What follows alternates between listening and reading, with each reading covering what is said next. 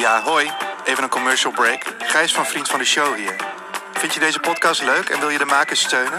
Ga naar vriendvandeshow.nl en word vriend.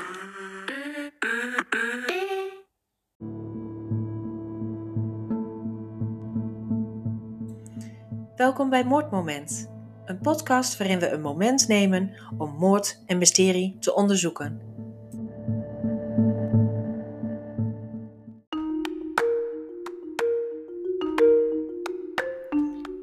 Hey hoi en welkom terug bij Moordmoment. De komende drie afleveringen staan in het teken van Olivia Newton-John. En nou hoor ik je denken, eh, ja, maar die leeft toch nog? Dat klopt. Maar haar naam kan worden gelinkt aan een stuk of zes moorden en één vermissing. Dus het leek me wel interessant om wat dieper in op de zaken te gaan. En voor vandaag is het Olivia Newton-John en Ralph Now.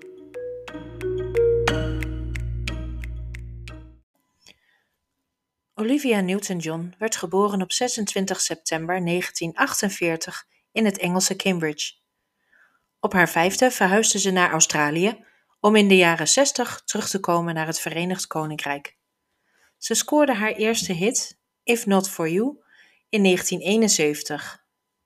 Dit nummer werd geschreven door muzieklegende Bob Dylan. Drie jaar later kwam ze uit voor het Verenigd Koninkrijk op het 19e Eurovisie Songfestival met Long Live Love, waar ze als vierde eindigde.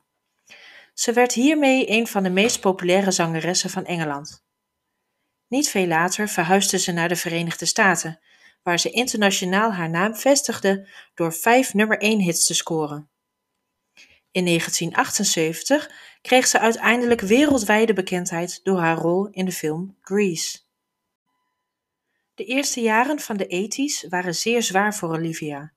Haar leven werd niet door één, maar door twee stokers geteisterd. Een van de twee was Michael Owen Perry. Perry beweerde dat Olivia een godin was, die onder water in Lake Arthur leefde. Olivia was in 1982 zo bang voor hem dat ze van Zuid-Californië verhuisde naar het huis van haar ouders in Australië. In de volgende podcast meer over hem. Vandaag gaan we het hebben over de meest toegewijde stalker, Ralph Now.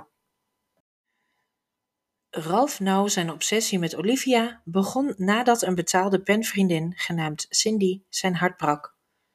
Terwijl hij door de hete woestijn van Arizona dwaalde, kreeg hij een visioen dat hem vertelde dat Olivia Newton-John van hem hield en hem nodig had.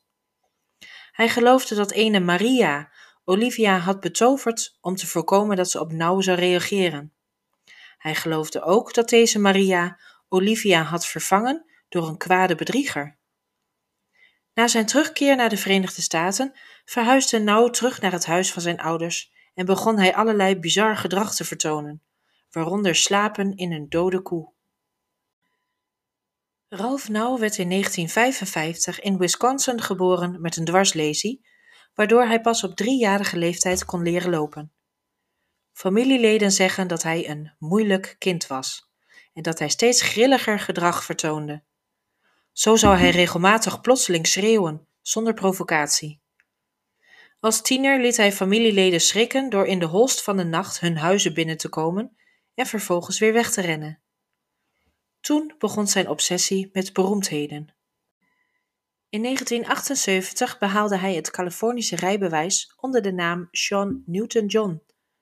Met deze alias was hij in staat Olivia Newton-Johns adres te bemachtigen en stuurde hij haar verschillende verontrustende brieven.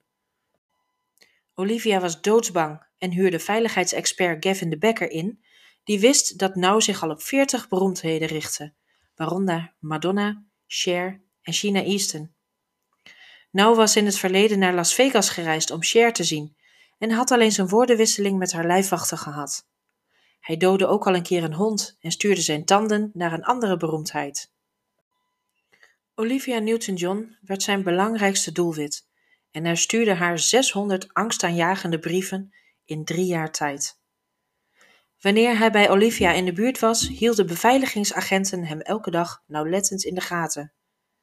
Hij reisde de wereld rond om haar concerten bij te wonen, maar was zich er niet van bewust dat veiligheidsmensen de stoelen rondom hem bezetten en elke beweging van hem volgden. Meerdere pogingen om hem te laten opnemen in een psychische instelling faalden. In 1983 verhuisde Ralph Nauw naar Illinois om bij zijn moeder Shirley, zijn stiefvader Ken en stiefbroertje Dennis te gaan wonen. Dennis was de zoon van Ken uit een eerder huwelijk. Na het lezen van Nauws brieven gericht aan Olivia, vreesde veiligheidsexpert De Becker dat hij zijn eigen familie ook iets zou aandoen en waarschuwde hen. Op 8 augustus 1984 werden hun vermoedens de waarheid en Ralph Nauw sloeg zijn stiefbroertje Dennis met een bijl dood. Hij begroef hem in een ondiep graf op de boerderij van zijn moeder. De volgende ochtend merkte Shirley op dat Dennis zijn bed leeg was en ging in paniek op zoek naar hem, waarna ze vrijwel direct de politie belde. De acht jaar oude Dennis was ernstig gehandicapt en niet in staat om te praten, basisfuncties uit te voeren, zichzelf aan te kleden of zijn slaapkamer te verlaten zonder hulp. En dat leidde tot de ondervraging van stiefbroer Ralf. Ralf vertelde dat Dennis hem verhinderde naar een belangrijk televisieprogramma te kijken. Olivia stuurde hem signalen via dat televisieprogramma en die moest hij opvangen. Ralf gaf toe dat hij Dennis had vermoord en vertelde de politie dat hij het slapende kind van zijn bed naar een naaisveld had gebracht, waar hij hem met een bijl doodde omdat hij in een dier was veranderd. Daarna vertelde hij waar ze de bijl en schop konden vinden die hij gebruikte om de jongen te doden en te begraven. De bijl, de schop en het graf werden gevonden precies daar waar Nauw had gezegd dat ze waren. De bekentenis van Nauw werd afgelegd op het moment dat hij juridisch krankzinnig kon worden beschouwd, en omdat de bekentenis het enige bewijs tegen hem was, zagen de aanklagers zich genoodzaakt de zaak te laten vallen. Hij werd vrijgesproken. De vrijspraak maakte de aanklagers woedend, die onmiddellijk een andere rechter in Lake County overhaalden om Nauw onvrijwillig naar het Elgin State Hospital te brengen voor een psychiatrische evaluatie. Die rechter oordeelde in 1989 dat Nauw een gevaar was voor zichzelf en anderen en beval zijn voortdurende opsluiting in de Elgin-faciliteit. Tijdens de hoorzitting getuigden Nauws familieleden, privédetectives en anderen dat hij beweerde getrouwd te zijn met Cher en Olivia Newton-John. Hij was zelfs naar Australië en Las Vegas gereisd op zoek naar deze beroemde sterren, kort voor de moord. Onderzoeken bewijzen dat Now, die in afwachting van zijn proces in de psychiatrische inrichting van Chester wordt vastgehouden, leidt aan een gespleten persoonlijkheid en dat hij onvrijwillig moet worden opgenomen in het Elgin State Hospital. Betrokkenen zijn bezorgd dat Now slechts korte tijd in het ziekenhuis zal worden opgenomen voordat hij weer in de samenleving wordt losgelaten.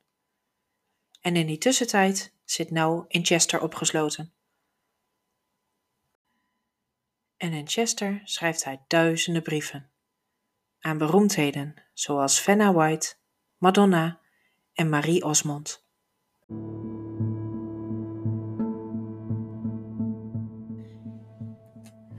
Het verhaal wat je zojuist hoorde is inclusief beeldmateriaal terug te vinden op moordmoment.blogspot.com. Bedankt voor het luisteren naar Moordmoment. Tot de volgende keer.